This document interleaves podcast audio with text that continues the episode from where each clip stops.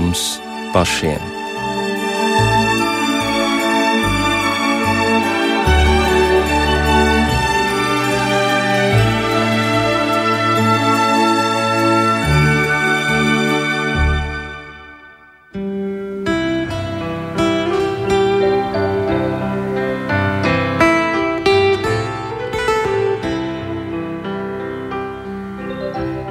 Esiet sveicināti raidījumā pāri mums pašiem. Studijā Inte Zēgnerē, un šovakar mūsu viesi ir Latvijas evaņģēliskā Lutheriskās baznīcas arhibīskaps Jānis Vanaks, Liepājas bīskaps Hans Martins Jensons un apsveicam mūsu vidū vakar Rīgas domā jauniesvētītos bīskapus Uldi Gailīti un Rinaldu Grantu. Sanāk mums šovakar tāda bīskapu sanāksme, un ne bez iemesla, jo vakar Latvijas evaņģēliskā Lutheriskā baznīca visas dienas garumā ar dažādām norisēm un notikumiem atgādināja gan par reformācijas 500 gadi, gan arī svinēja Latvijas evaņģēliskā Lutheriskās baznīcas simtgadi. Lieli svētki baznīcai! Bet kā tad šī baznīca radās? Kāda ir tās vēsture? Tātad pirmsākumi 1922. gads, kā piedzima Latvijas evaņģēliskā Lutheriskā baznīca. Tas ir tāds nedaudz kā saka, voluntāri izvēlēts datums, šis 16. jūlijas, kā simtgada. Ja jautā, kā radās Latvijas evaņģēliskā luteriskā baznīca, tad es teiktu, ka pats sākums ir bija mūsu kunga Jēzus Kristus iemiesošanās Bēltlemē, viņa apstuļa aicināšana un visa viņa kalpošana, kad baznīca sākās šeit zemes virsū, lai gan baznīcas tēvi un arī mēs pie apstuļa Pāvila, pie efeziešiem varam lasīt par to, ka baznīca bija preeksistenta, ka baznīca faktiski bija jau pirms pasaule tika radīta, jo iesākumā bija vārds, vārds bija pie Dieva un vārds bija Dievs, un, teiksim, Kristus personā un nodomā baznīca bija jau tad. Tā kā mūsu Latvijas evanģēliskās Lutriskās baznīcas pirmsākumi ir meklējami vēl vecāki pirms, par pašu pasauli. Vecāki par pašu pasauli.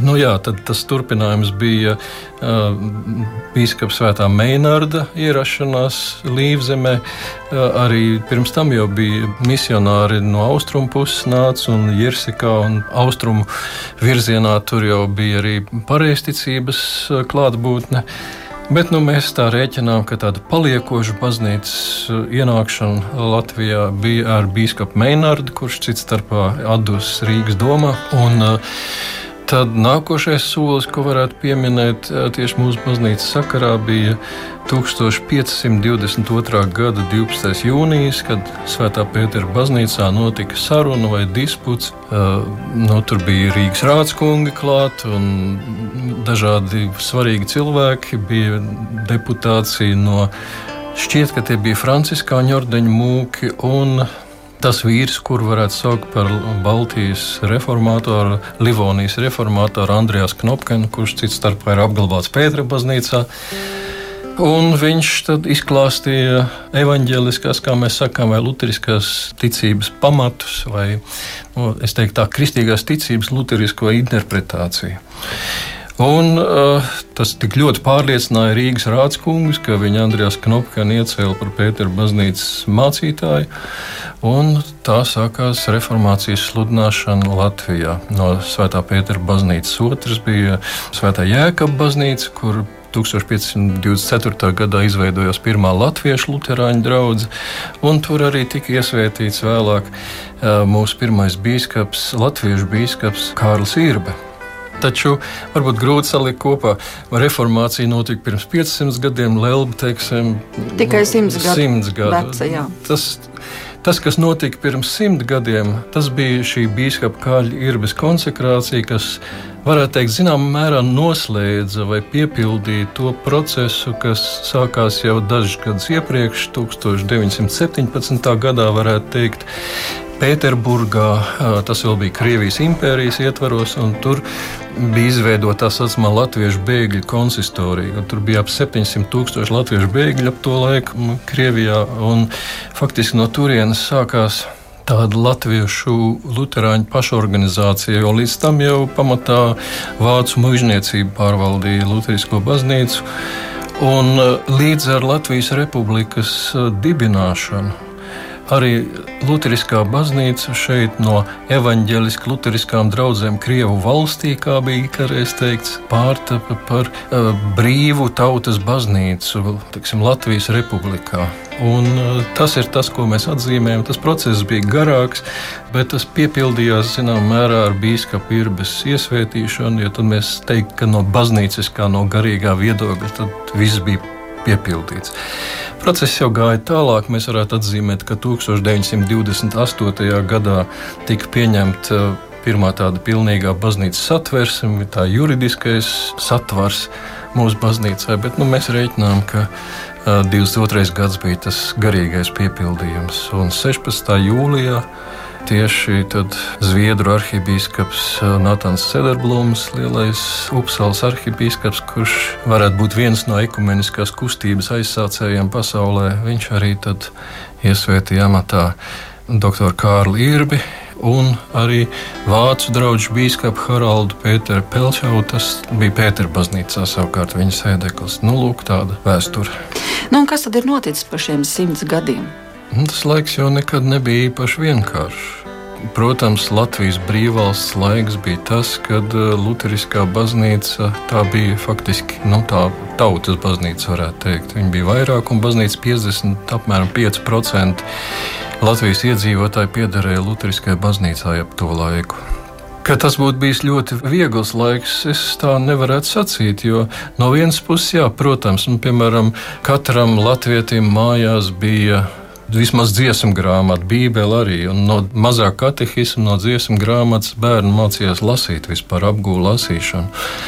Un te mēs varam pieminēt, ka Ernests Gliks 17. gadsimta beigās, 1690. gadiem pārtulkoja Bībeli latviešu valodā, kas latviešu tādu zemnieku valodu pacēla līdz literārās valodas līmenim. Tur bija ļoti daudz vārdu vispār jārada no jauna, lai to varētu izdarīt. Bija kādreiz tāda izstāde sarīkot, ka Lutheriskā baznīca teiksim, latviešu dzīvē vai tam līdzīgi varēja redzēt, ka no dzimšanas līdz nāvei, no kristībām līdz izvadīšanai visu laiku baznīca bija klāta, ap baznīcas norisēm tas viss veidojās latviešu ģimeņu dzīve. No dziesmas svētku arī galu galā izauga no baznīcas tradīcijas. Tieši tā, jā, tieši tā. Tomēr eh, netrūka arī, protams, savu iekšēju pretrunu un sarežģījumu. Piemēram, tas bija laiks, kad bija diezgan liels iespējas eh, vācu tādai liberāli kritiskai teoloģijai. Tērbats universitātē daudz teologu apguva izglītību, kas bija diezgan ievērojami liberāli ievirzīta fakultāte. Tāpat arī Latvijas Universitātē bija teoloģijas fakultāte, ar kuru biskups Kārlis Irba nebija īsti apmierināts, un tāpēc nodibināja pašu baznīcas teoloģijas institūtu. Nu, teiksim, tad okupācija aizslēdza abus, abas okupācijas, teiksim, gādāja, lai nebūtu mums mācību iestādes. Nu, tad, um, protams, Padomju laikā Lutheriskā baznīca tika īpaši vajāta, jo tā bija nu, tā tautas baznīca. Jā. Turklāt, atšķirībā no Romas katoļu baznīcas, mums nebija īsti tādas, kā saka, Vatikāna aizmugures, nebija nekādas aizmugures, kā saka, ārpus Latvijas. Un tāpēc baznīca zaudēja apmēram 80% savu mācītāju. Daudz tika nogalināti vai izsūtīti. Diezgan liela daļa izbrauca uz ārzemēm, devās trimdā ieskaitot tā laika arhibīskapu Teodoru Grīnbergu. Tur latvieši, kas nu, bēga faktiski no okupācijas, viņi tad organizējās dažādās valstīs tieši ap luterāņu draugiem visvairāk. Tā kā trimds baznīca ļoti lielu lomu spēlēja tieši latviešu diasporas organizācijā un latviešu draugus ārzemēs. Mums Latvijā, tai paudzē, kam es piederēju, stāstīja par Latvijas brīvvalsts laikiem, par kur mums citādi nebija nekādas iespējas gandrīz neko uzzināt. Nu, un tad, eh, atjaunojoties Latvijas neatkarībai, tad sākās atkal tāds eh, baznīcas celtniecības darbs. Tās draudzes bija izturējušas, daudzas tomēr bija slēgtas, bet es atceros, es tieši nonācu amatā apmēram tajā laikā, 93. gads bija tas, kad es tiku ievēlēts arhibīskā pamatā. Un tad tas bija laiks, kad kādos pāris gados mēs varējām atjaunot ap simt draugu. Tas bija tas milzīgs izaugsmas laiks. Kaut gan tie materiāli nemaz nebija tādi spožākie laiki, varētu sacīt. Nē, bet tas bija milzīgs tāds garīgi pacēluma laiks. Tas bija ļoti auglīgs misijas laiks. Es atceros, ka es biju ļoti veiksmīgs misionārs, kas Saldus pilsētā daudzas cilvēkus kristīja. Kā es to darīju, kas bija mans metode un noslēpums, es izliku plakātu tirgus lauku laukumā pie afišu staba, ka es tagad rīkošu lekcijas par Bībeli elektriķu, teiksim, kultūras namā. Un sanāca pilna zāle, tur bija daudz no pilsētas inteliģences, tā interese bija milzīga. Tad es tur daudz, gan arī vienu pēc otru, visu kristību pēc tam arī. Tas slāpes bija milzīgas, un, un cilvēki arī īsti bieži vien nesaprata, to garīgo būtību baznīcā, bet viņiem bija tāds sajūta, ka viņi dara ar to, ka viņi nāk uz baznīcu, viņi dara kaut ko labu Latvijai un kaut ko sliktu komunistiem. Viņiem varbūt nebija pat skaidrs, nu kā, kāpēc man vajadzētu kristīties un iesvētīties, ja es gribu draugu remtē atjaunot, piemēram, ja bija tāds īrs. Tas nebija skaidrs, kāpēc tādas formalitātes vajag draugu, vajag atjaunot.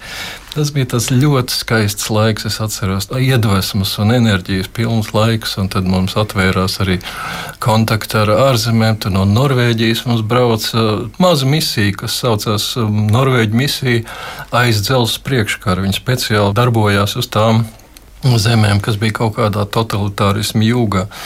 Un Latvija bija no tām. Tā misijā, pateicoties arī Gregora skola, izveidojās saldu. Tas bija tāds tiešām vienreizējs laiks. Nu, tad, pēc tam jau viss normalizējās. Pamazām mēs sākām manīt, ka vispirms no mēdījiem tā attieksme pret baznīcu mainījās. Pamazām kļūst tāda, teiksim, kritiska, skeptiska. Nu, pamazām jau viss iegrozījās apmēram tā kā Rietumē Eiropā. Tas medus mēnesis ilga, nu, ilga viņš kaut kādus gadus. Bet nu, tas mainījās jau arī.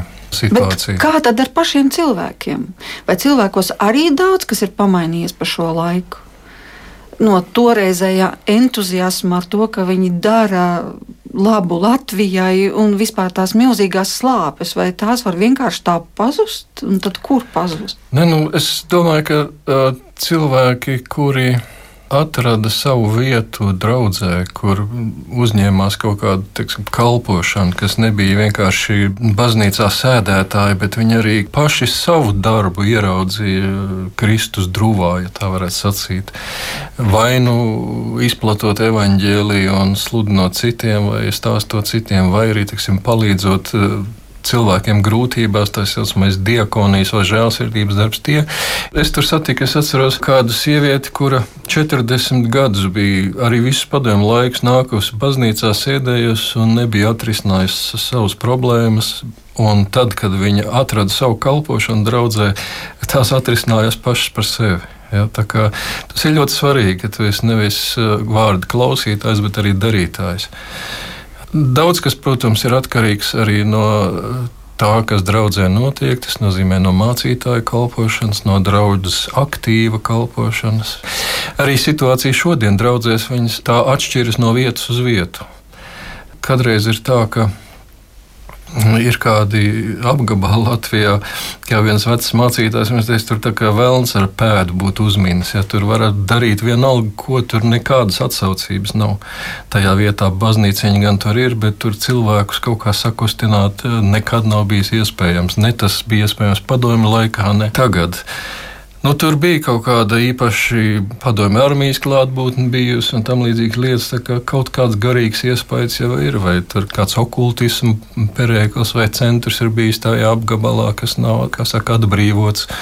Bet citās vietās atkal mēs joprojām varam just to pašu dedzību, varbūt ne tik masveidīgi, kas bija, bet to pašu jau var just arī mūsdienu draudzēs. Un, Man ir tā privilēģija, un maniem kolēģiem, biskupiem, ir tā privilēģija apmeklēt draugus svētku reizēs, un tad jau redz to prieku un to sajūsmu, kā viss ap savu baznīcu pulcējās. Nu, pēc tam jau kādreiz atkal ir tā, ka tik bieži viņi vairs neatnāk. Un tad jau varbūt jums vajag piekopt tādu taktiku, ka vienkārši braukt uz draugiem inkognito. Tad, kad neviens nezina, ka ierodas bīskaps, tā jau laikam es, nedrīkst darīt. Es to esmu darījis, jā. jā. Es diezgan pa laikam esmu to darījis. Un tad tā interesanti vērot savu baznīcu no malas.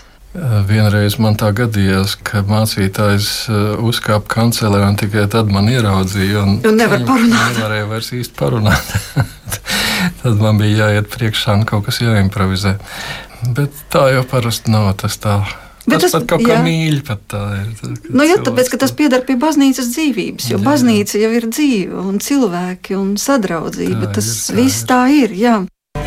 Gribētos pievērsties šobrīd bīskapam Hansam Martinam Jensonam, kurš ir šeit studijā un kura dzīve ir saistīta ar liepāju, nu jau bīskapa amatā kopš 2016. gada. Bet kā tas nākas? Ka jūs, kas esat dzimis Zviedrijā un mācījies Lundas Universitātē, kalpojat šeit, Latvijā? Jā, tas ir garš stāsts, un tur ir vairākas iemesli. Ja mēs ejam atpakaļ uz manu jaunību, tad mēs Zviedrijā dzīvojam vairāk eh, ar skatienu uz eh, rietumiem. Un mēs ļoti maz zinājām, kas notiek šeit, otrā pusē, kā mēs saucam par nevis par Baltijas jūru, bet par par austrumu ezeru. Par austrumu ezeru? Jā, jo Baltijas jūrā no Zviedrijas perspektīvā atrodas austrumos. Tāpēc tas zviedru valodā sauc par astofānu. Un, mēs uh, bijām ļoti tuvu Baltiju, bet mēs ļoti maz zinājām. Bet uh, tajā kristīgā vidē, kurā es uzaugu, bija daži, kas ļoti runāja par to, kas atcerējās to laiku, kad uh, bija kontakts ar Baltiju. Un viņi viena laikrakstā katru nedēļu rakstīja, neaizmirst aizlūgt par Baltiju. Un kaut kādā veidā tas man iesēdās. Mēs teiksim, tā domājam, ka šis vecais vīrs, viņš, tā, teiksim, viņš visu laiku atkārtoja vienu un to pašu. Bet eh, mēs tā paklausīgi lūdzam. Un, eh, Tad, kad viss notika, mēs neticējām, ka Dievs atpildīs lūgšanu, bet eh, acīm redzot, viņš tā arī darīja, mēs teiksim, tā brīnājāmies. Un e, tieši tajā vidē, kurā es biju, sākās ļoti daudz e, kontaktu ar Baltiju. Un e, es pirmo reizi biju Baltijā, Igaunijā, 1994. gadā. Un tas bija māsu draudzes attiecībās. Un, protams, man tas šoks bija samērā liels. Tad um, es biju arī šajā pusē uh, vēlāk, uh, piedzīvoju to ka Baltijā ir e, arī tas kopīgā vēsture ar rietumiem, bet ir arī ļoti manāms to okupācijas gadus. Cita lieta ir arī tā, ka baznīca e, Zviedrijā e, attīstās ļoti liberālā virzienā, un es īsti nevarēju to iet līdzi. Un šeit Latvijā bija cita attīstība. Un, tajā kontekstā, kurā es uzaugu, mēs tā ar ļoti lielu cieņu eh, skatāmies uz Latvijas Evaņģēliskā Luciskā baznīcu.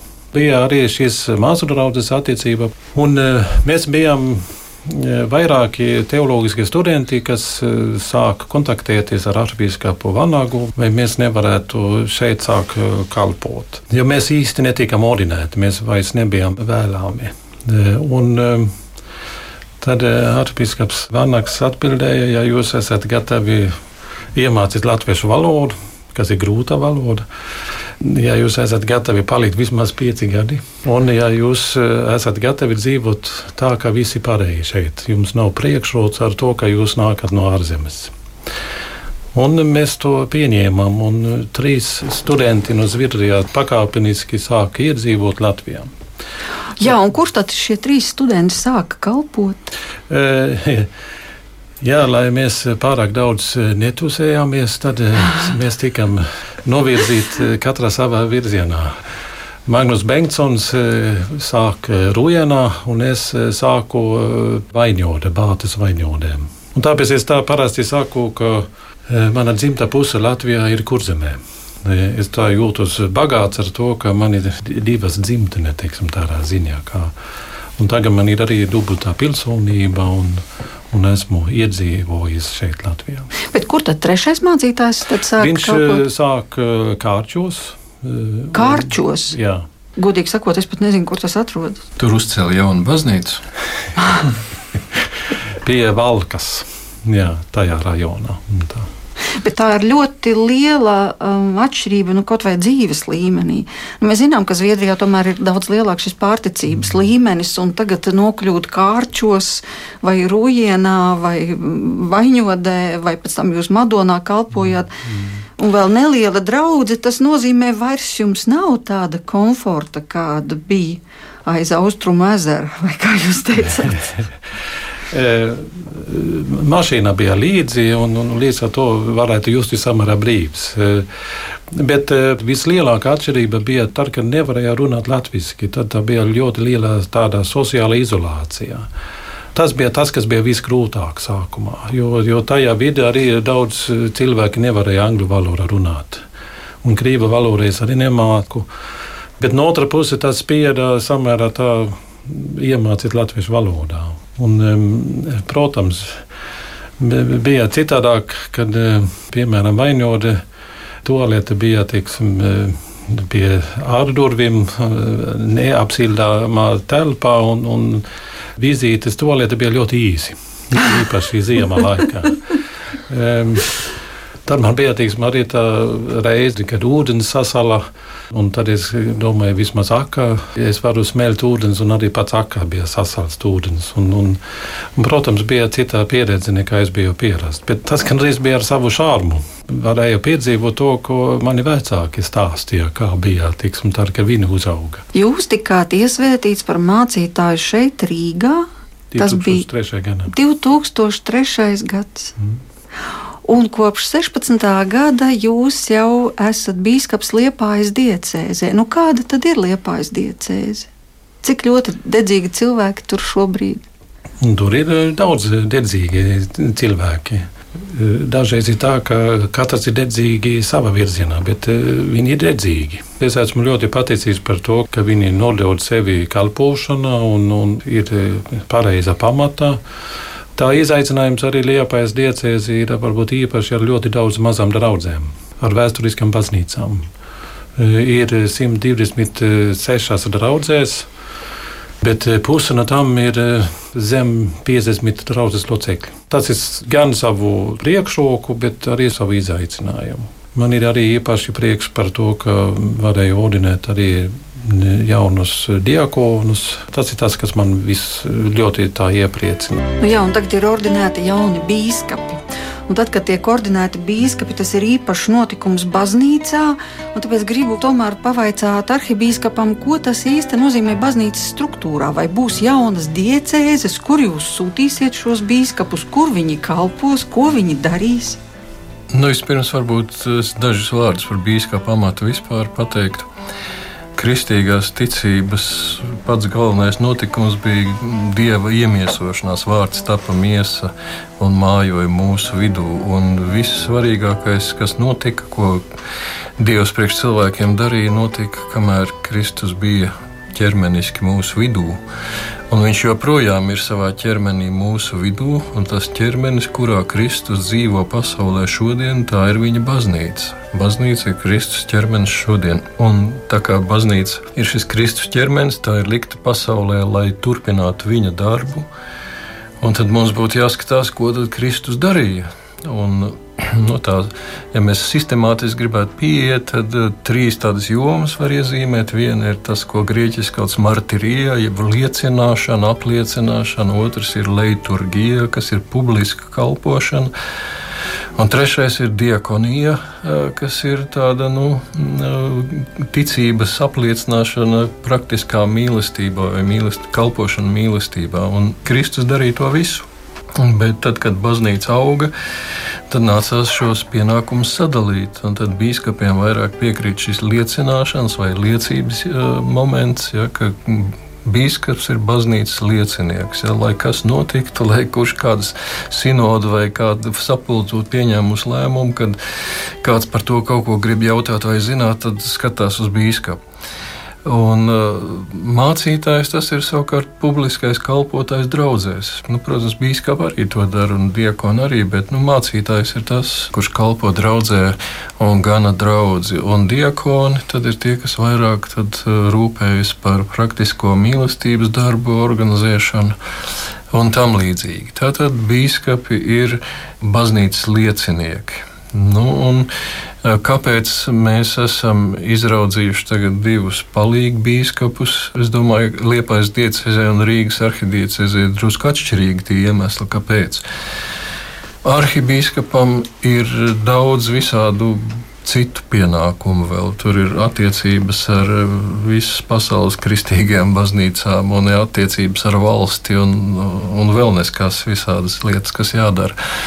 Tāpēc uh, man atliek pārāk maz laika, piemēram, apmeklēt draugus, tikties ar mācītājiem, veidot šo biskupu atbalstu sistēmu. Un tāpēc man bija vajadzīgs palīgs, bet nu, tas nevar būt vienkārši darbinieks. Jā, nu, viņam jābūt biskupa līmenī. Un tāpēc es pēc ilgām pārdomām un meklējot cilvēku, kam būtu visas nepieciešamās dāvanas šai kalpošanai, tad uh, starp daudziem vienlīdz godīgi godājumiem un vērtīgiem kandidātiem izraudzīja biskupu uh, Elektus Rinaldu Grantu. Es domāju, ka viņš ļoti labi ar to uh, spēs tikt galā.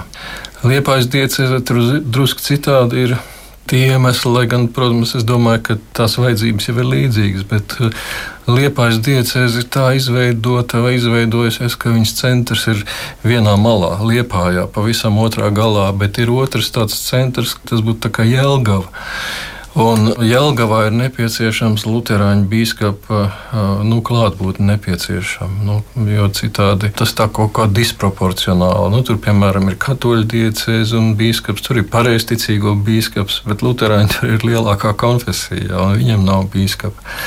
Kadreiz jau pirms kara bija doma par četrām vai piecām diecēzēm, ko nerealizēja tāpēc, ka notika ulmaņa apvērsums un tika aizliegts sapulcs, tika aizliegts sinodas arī, kas to būtu varējuši īstenot. Padomju laikā jau vispār par to nevarēja būt runas. Tagad, brīvās Latvijas laikā, mēs esam to seno sākotnējo plānu īstenojuši. Jā, jūs teicāt, ka redzējāt, ka šiem garīdzniekiem ir ielikumi bīskapam nepieciešamās kalpošanas kvalitātes. Tad kas tad ir tās kvalitātes, kas būtu nepieciešamas? Nu, nu, pirmā un galvenā dāvana būtu ticība un dievbijība, protams. Bet arī es, teiktu, veselīga personība. Ko tas sevī Stabili, ietver? Stabilitāte, ka cilvēks ir spējis labi panest stresu, nezaudē savaldību, vienmēr ar visiem cilvēkiem spēj runāt patiesību, bet mīlestībā, kas ir pietiekami labi iesakņots baznīcā. Mūsu baznīca ir pietiekami liela, lai tur būtu dažādas intereses, dažādi novirzieni, dažāda veida dievbijības kopēji. Un Bīskapam būtu jābūt spējīgam būt atbalstam un pāraugam pār visiem. Un, uh, saskatīt labo un derīgo arī tajā, varbūt kalpošanā, kas pašam tik ļoti neiet pie sirds, ja, bet tu, tu saskati, ka, kas tur ir vajadzīgs, kas tur ir labs un ko tur var atbalstīt. Uh, un tāpēc uh, es domāju, ka bīskapam ir jābūt ar pietiekami lielu, ilgu pieredzi gan ticībā, gan arī uh, mūsu baznīcā. Nu tā, tagad um, jūs esat saņēmuši pilnu uzdevumu paketi. Ko atliek īstenot, mums ir pienācis laiks arī iepazīties, it īpaši ar tiem, kas ir pirmoreiz studijā. Uh, Bīskaps Uldis Gailītis, kāda ir jūsu pieredze baznīcā? Mums tomēr vajadzētu iepazīties. Es esmu dzimis un uzaugusi Rīgā, no kurienes nāk mani vecāki, ir kārķu puse, kas jau tika minēta. Tas vairāk ērģeme, valka, jērcēni. Un, Tā kā mani vecvecāki bija pietiekoši saimnieciski un arī turīgi, tad viņi visi, gan vecvecāki, gan arī mana māma un tēvs, tika izsūtīti uz Sibīriju, un tad arī atgriezās no Sibīrijas. Un, jā, un pēc kāda laika uzsāka dzīve šeit Rīgā, kur arī, kā jau minēju, esmu dzimis un audzis un pabeidzis dažādas skolas Esmu studējis Latvijas Universitātē pedagoģijas fakultātē, kur esmu ieguvis darbmācības un rasēšanas skolotāju kvalifikāciju. Un, kad sākās atmodas laiks, tad baznīca kļuva ļoti populāra. Līdz tam man bija ļoti noslēpumaina ēka, kad es braucu uz valkas pusi. Tad es skatījos, brīvības ielā ir viena ēka, kurai es noteikti braukšu garām. Es kaut kā gaidīju to brīdi, kad es varēšu šo ēku ieraudzīt un skatīties uz šo ēku. Viņa man šķita tiešām ļoti noslēpumaina, bet kaut kas tāds pievilcīgs tajā visā. Kas tad tā bija par ēku? Rīgas jaunā svētās ģērtrūdas baznīca tā bija. Eh, kuras arī pēc tam tiku gan kristīts un iesvētīts. Cik tad jums gadu tu varēsi būt? Tad eh, man bija 23 gadi, kad es tiku kristīts un iesvētīts. Nu, lūk, un tajā brīdī es arī studēju eh, pedagoģijas fakultātē, un man bija tā dzīves jēgas meklējuma. Es gribētu teikt, baznīca man deva ļoti labas atbildes, un par to es biju ļoti arī priecīgs un kļuvu diezgan aktīvs arī draudzes kalpošanā. Un eh, beidzot, iesveicis mācības, mācītājs man jautāja, vai es nevēlos studēt. Un tajā laikā nebija Lutera akadēmija, bet bija seminārs. Un es teicu, ne, man jāpabeidz pedagoģijas fakultāte, un tad, kad es būšu pabeidzis šo mācību, tad, tad es domāšu tālāk. Un tā un izveidojās, ka es biju pabeidzis uh, pedagoģijas fakultāti, un uh, tad tieši izveidojās Lutera akadēmija. Pirmais gads, uh, kur uzņēma ar vismaz vienu augstāko izglītību, lai būtu tāda augstākā izglītība, tad tikai varēja startēt Lutera akadēmijā. Un tā nu tajā pirmajā kursā es arī nokļuvu uh, un pabeidzu studijas. Un 2002. gadā es tiku ordinēts. Un es tiku aizsūtīts kalpot saldu, uz saldu. Tur es arī uh, nokalpoju līdz 2019. gadam kad uh, biskups Hans Martins man aicināja kalpot Jēlgavas Svētās Annas draugā. Tā ir pamatvieta jau kopš 2019. gada, un tur man arī varēja sastapt. Jā. Nu, un uh, darbmācības skolotāji un rasēšanas prasmes droši vien arī tur ir savs pluss kalpošanā, vai tomēr tās jums nenodara. Darbmācības skolotājs māk visu kaut ko, naglas jāprot dzīt un ēvelēt droši vien un vēl visādas saimnieciskas lietas. Droši vien ar to jums tagad nebūs jānodarbojas kā biskupam, bet nu tomēr. Jā, es esmu pabeidzis arī tajā laikā, viņas saucās Profesionāla tehniskā mākslas vidusskola, kas oh. ir galdnieku skola. Tad, tad jūs esat uzminējusi. Jā, un tā kā ar tādām praktiskām praktiskām lietām man, man arī nav, nav grūti kaut ko praktisku arī darīt. Jā, darbmācības skolotājs, tā kā es kalpoju arī saldu, bija vairākas draudzes, saldus, gaiķu, lutriņu, blīdenes. Draudzes tad gaiķu skolā es kādu laiku pastrādāju arī par uh, darbmācības skolotāju, kad tur bija nepieciešams. Kā ir ar Rinaldu Grantu? Rinaldu mēs tomēr, jāsaka, labi pazīstam kā Rīgas vecās svētās ģertrūdas draudzes mācītāju. Tagad jums ir jauns status, jūs turpināsiet kalpot Rīgas vecās svētās ģertrūdas baznīcā. Kas mainīsies jūsu dzīvē? Mainīsies noteikti diezgan daudz, bet es pilnīgi skaidri apzinos, ka es neapzinos visas lietas, kas mainīsies ir labi apzināties to, ka ir kaut kas, kas paliks arī pa vecam. Piemēram, un es turpināšu kalpot Rīgas vecās svētā ģetrūdas baznīcā. Tur būšu diezgan regulāri un būšu starp cilvēkiem, ko esmu pazinis daudzus gadus. Un tāpat laikā Viena no lietām, ko arhibīskaps ir uzticējis, ir arī vizitēt, jeb apciemot arī citas baznīcas. Ja līdz šim vairāk tas bija saistīts ar Rīgas iecirkni, kā Rīgas iecirkņa prāvestam, tad tagad tā iespēja būs doties arī nedaudz tālāk. Varbūt arī skatīties, kādā veidā ir iespējams atbalstīt arī amatbrāļus, kas kalpo dažādās vietās Latvijā. Un, um, es vienlaicīgi apzinos, ka noteikti tā situācija ir diezgan atšķirīga Rīgā un citur. Nu, jāsaka, tā būs kaut kāda pieredze, ko es noteikti arī mācīšos kaut kādā ziņā no jauna. Jo man tā kalpošana galvenokārt ir bijusi vienmēr Rīgā. Nu, kāda tad ir Rinalda Granta biogrāfija? Mēs tikko uzzinājām par jūsu kolēģi Uldi Gailīti, ka tur gan darbnācība, gan rasēšana, gan pedagoģija un jums. Mana biogrāfija sākās tajā pašā slavenajā, daudz pieminētajā pilsētā Saldus. tur es piedzimu, un tur pagāja mana bērnība un jaunība. tur bija pirmās reizes Ziemassvētkos divkalpojumā. Bet, um, varbūt pārlecot uzreiz tādu uh, lielu soli uz priekšu, tad, kad nu, es uh, varētu teikt, tapu Kristus sastapt saldūmu.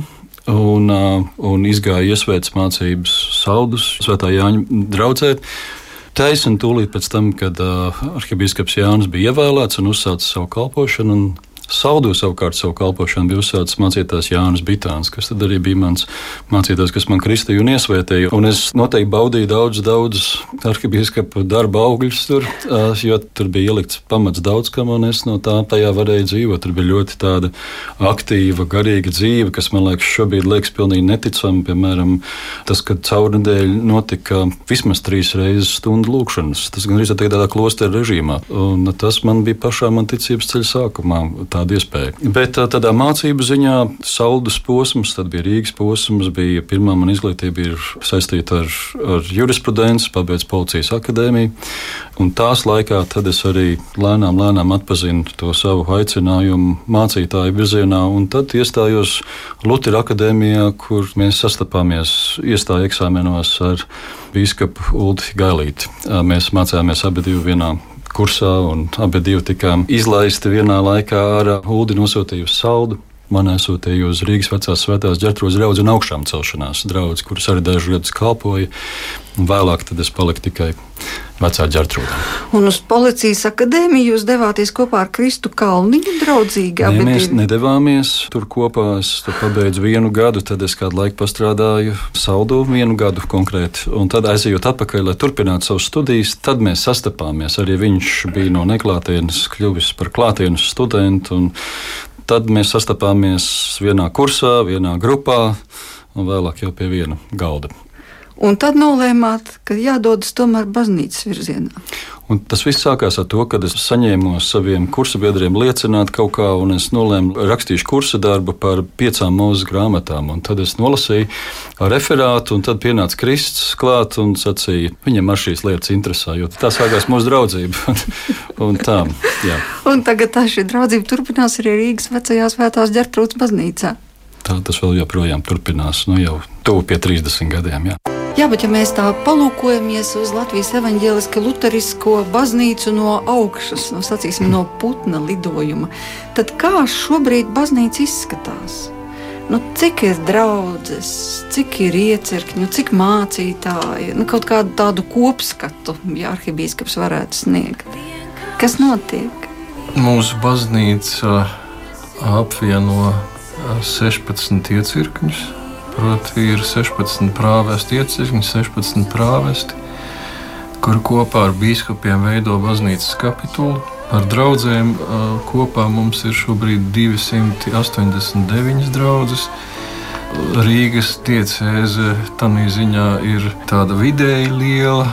Mums ir 95 draugs un 5 no šiem 16 iecirkņiem. Tad Draugu skaita ziņā lielākā ir Liepājas diecēze, kur ir 126, un tad Daugaupils diecēze ir 68 draugas.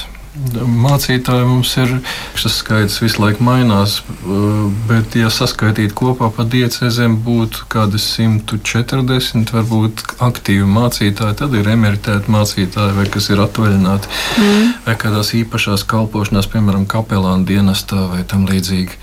Baznīcas mājaslapā ir minēti šie 700 tūkstoši Latvijā luterāņu, un tālāk arī sacīs, ka no tiem aptuveni 43 tūkstoši aktīvi piedalās Latvijas evaņģēlas kultūriskās baznīcas draudžu dzīvē. Tātad no 700 tūkstošiem 43. Man tomēr jums visiem gribas vaicāt par šiem cipariem, vai tomēr te nav ļoti nu, kliedzoša tā disproporcija. Dramatiska. Tas ir ļoti neliels skaits no kristītajiem. Tu taču kaut kāda iemesla dēļ cilvēks kristās. Ar kaut kādu apziņu taču cilvēki ved savu bērnu nokristīt vai dodas laulāties uz baznīcu. Nu, viņi taču grib to piedarību, un tad pēkšņi izrādās, ka tas ir reāli vajadzīgs tikai šiem 43 tūkstošiem. Kāda ir jūsu versija? No nu, vienā pusē tā ir. Jā. Bet, ja mēs arī domājam par to, ka Jēzus dzīvināja desmit cilvēkus, viens no tām atnāca atpakaļ.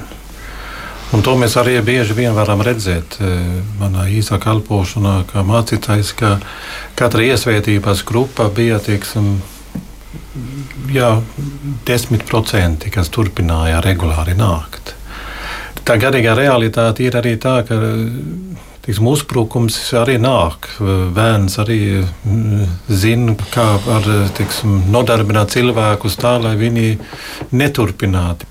Ir vēl Bet kādas no versijas, puses, jā. No otras puses, ka pienāk brīdis, kad cilvēki atceras savu kristību, atceras savu piedarību un meklē atjaunot savu garīgo dzīvi. Tas ļoti bieži tā notiek, un no tiem cilvēkiem, kas šobrīd ir atvaļinājumā, ar laiku kādreiz izveidojas ticīgi un dievbijīgi cilvēki gluži praktiski. Ja mēs pastāmies mūsu baznīcas statistikā, tad uh, parasti saka, nu tur ja jums tās vecās tantiņas vien ir, jā, tad uh, tā nav taisnība. Mums ir lielākā draudzes locekļu daļa ir starp teiksim, no 30 līdz 50 apmēram tā. Un tas ir tas laiks, kaut kur no 30 līdz 50, kad daudz tie, kas jaunībā gribēja salauzīties skaistā telpā, baznīcā, lai būtu smuka ceremonija, sevišķi, ja ciemā tur tāda ciema padomē, tā stelpas, tādas noplukušas, švakas vai kā. Nē, nu cilvēkiem tomēr gribas, gribas skaistumu. Gribas skaistumu un gribas arī svētumu. Ir tomēr tā, ka pat neticīgs īsti vai nu, neapzināts cilvēks, viņš iet baznīcā, tā vide ir tāda, ka viņš sajūtas īpaši. Kur tad vēl, ja tu gribi kaut ko skaistu, kaut ko nu, tādu dārgu radīt, nu kur tad vēl? Un tā arī jauni cilvēki, nu viņi grib savu ģimeni radīt, nu kur tad citur, nu baznīcā viņi grib salauzties. Bet bieži vien ir tā, ka viņu tās rūpes un un studijas, un bērni, un tam līdzīgi, un darbs, un otrs darbs, eh, ka nu, kaut kā tur jau nevajag daudz. Tu vienkārši nu, sāc izlaist vienu svētdienu, teiksim, nu, vienu svētdienu neiešu, nu, tad pēc tam divas neiešu uz dievkalpojumu. Nu, tad ar to tad ļoti bieži tu dodies no Jeruzalemes uz Jēriku, proti, lejā kaut kur.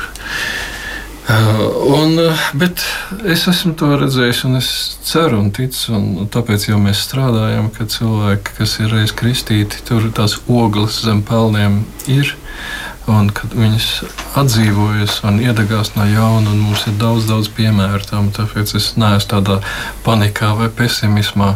Tie vienkārši tie ir mūsu draugu locekļi, viņos ir svētais gars, kā viņi saņēmuši svētajā kristībā. Tam tikai jādod iespēju, un mums jābūt gatavībā tam brīdim, kad tas atkal sakustēsies. Vakar baznīcai bija īpaša diena, un baznīca pēkšņi kļuva redzama arī ārpusē gan um, ejot um, kopīgajā gājienā, gan tas, ka mūziķi bija iesaistīti, tas, ka liecības bija nu, baznīca tā kā izgāja ārpus savām sienām.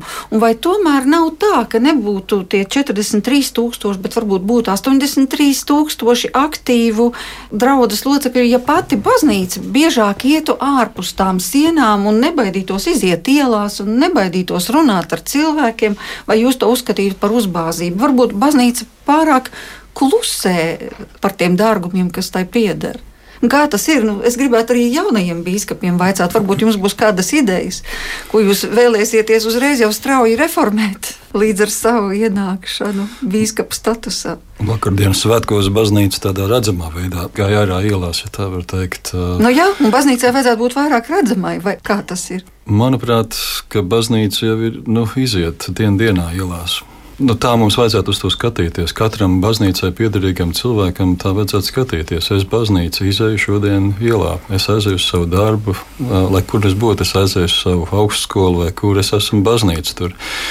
Un, manuprāt, tieši no tā, cik lielā mērā mēs šādu savu apziņu un tādu iekšēju pārliecību, ka man par to nav jākaunās, man ar to ir jākalpo, man ir kāds aicinājums un misija, mēs visvairāk varam izdarīt.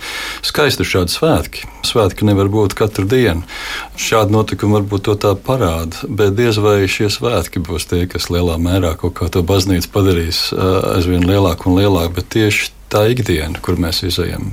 Jūs to nosaucāt par baznīcas dienu. Nu, tad varbūt tādu baznīcas dienu varētu uzrīkot vienreiz pa trījiem mēnešiem vai divreiz gadā. Vai vai uz Ziemassvētku laiku pēkšņi skatos līvu laukumā. Tik daudz cilvēku ar svecītēm rokās, un kāds tev pieiet klāt pacienā ar kafiju un saka, ka tu pēdējo reizi esi bijis dievnamā, bet varbūt tu kaut ko gribētu darīt, vai es nezinu, tāda tīri fiziska komunikācija, cik nu to Covid laiks atļauj. Nu, ko jūs sakāt par to? Man liekas, varbūt tieši tā cilvēciskā aspekta pietrūks.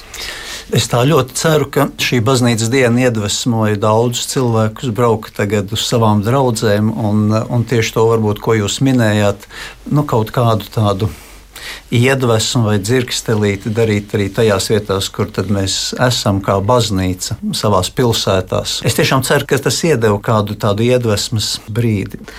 Bet varbūt tiešām tā ir. Es neatceros, kurš to teica, ka tagad vairs baznīcai nav jāgaida, kamēr kāds atnāks uz baznīcu un teiks, ka grib kristīties, bet ka tagad baznīcai ir jāiet pie cilvēkiem. Un tieši ar šādām aktivitātēm. Es neticu pārāk tām lielām aktivitātēm, kas ir svarīgi šad un tad, bet um, es kaut mēs augtu vairāk tajā, ka mēs ikdienā ejam veidot cilvēciskas attiecības, kas izriet no mūsu ticības, ka mēs redzam situācijas, kur mēs varam ar savu ticību kalpot Es domāju, tur ir tas lielākais potenciāls. Neapšaubāmi uz ielas līva laukumā ar svecītēm izējot, mēs sastaptu kādu skaitu cilvēku, kas tomēr salīdzinoši būtu diezgan mazs. Es domāju, ka mums šajā laikā ir tādi uzdevumi vai lauki, kas jāapgūst, piemēram, internets, kur jaunieši pavada lielu savu dzīves daļu un nevar teikt, ka tā būtu nereāla kaut kāda vide. Tā ir viņu reālā dzīve. Un tur, piemēram, ir iespēja attīstīties, to mēs cenšamies darīt. Bet eh, mūsu uzdevums būtu, piemēram, pēc iespējas, ja mēs paturētu tos visus iesveitītos, kas atnāk uz iesveitas mācībām, ja mēs prastu viņus paturēt kaut kā, ka viņi visi paliek baznīcā, tad jau mums būtu 80, 120 tūkstoši. Ja. Un runa jau nav par skaitļiem, bet runa ir par cilvēku dvēselēm. Tieši tā, ka glābšana. tas ir tas svarīgākais uzdevums, ka mēs spētu un ka Dievs mums palīdzētu tos cilvēkus, kurus mēs jau tāpat sasniedzām, ka mēs viņus varētu uzturēt eh, tādā degošā sirds stāvoklī. Bet, jebkurā gadījumā, liels paldies par šo iziešanu ielās, par baznīcas dienu, par to, ka baznīca šādā veidā bija redzama. Un liels paldies, ka jūs šovakar atnācāt uz raidījumu. Paldies, saku Latvijas evaņģēlas Lutheriskās baznīcas arhibīskapam Jānim Vanagam un bīskapam Hansam Martinam Jensonam. Jansonam, kurš vada Liepājas diecēzi, un arī diviem jauniesvētītajiem bīskapiem Uldim Gailītim un Rinaldam Grantam. Un ja nu reiz mums ir tik spēcīga biskupu komanda šeit, tad gribētos arī, lai biskupi dod svētību mūsu klausītājiem. Šovakar radījumā kopā ar jums bija Inte Zēgnere. Lūksim svētību. Un sirsnīgs sveiciens sūta arī Daugopils diecēs bīskaps Einārs Alpi. Viņš sūta visiem, visiem klausītājiem arī svētību un sveicienus. Izlūksimies Dieva svētību. Tas kungs ar jums. Un ar, un ar tavu garu. Mūsu palīdzība ir tā kunga vārdā, kas radījis debesis un zemi. Lai mūsu svētī un pasargā visu varenais Dievs, Tēvs un Dēls un Svētais Gars. Amen. Amen.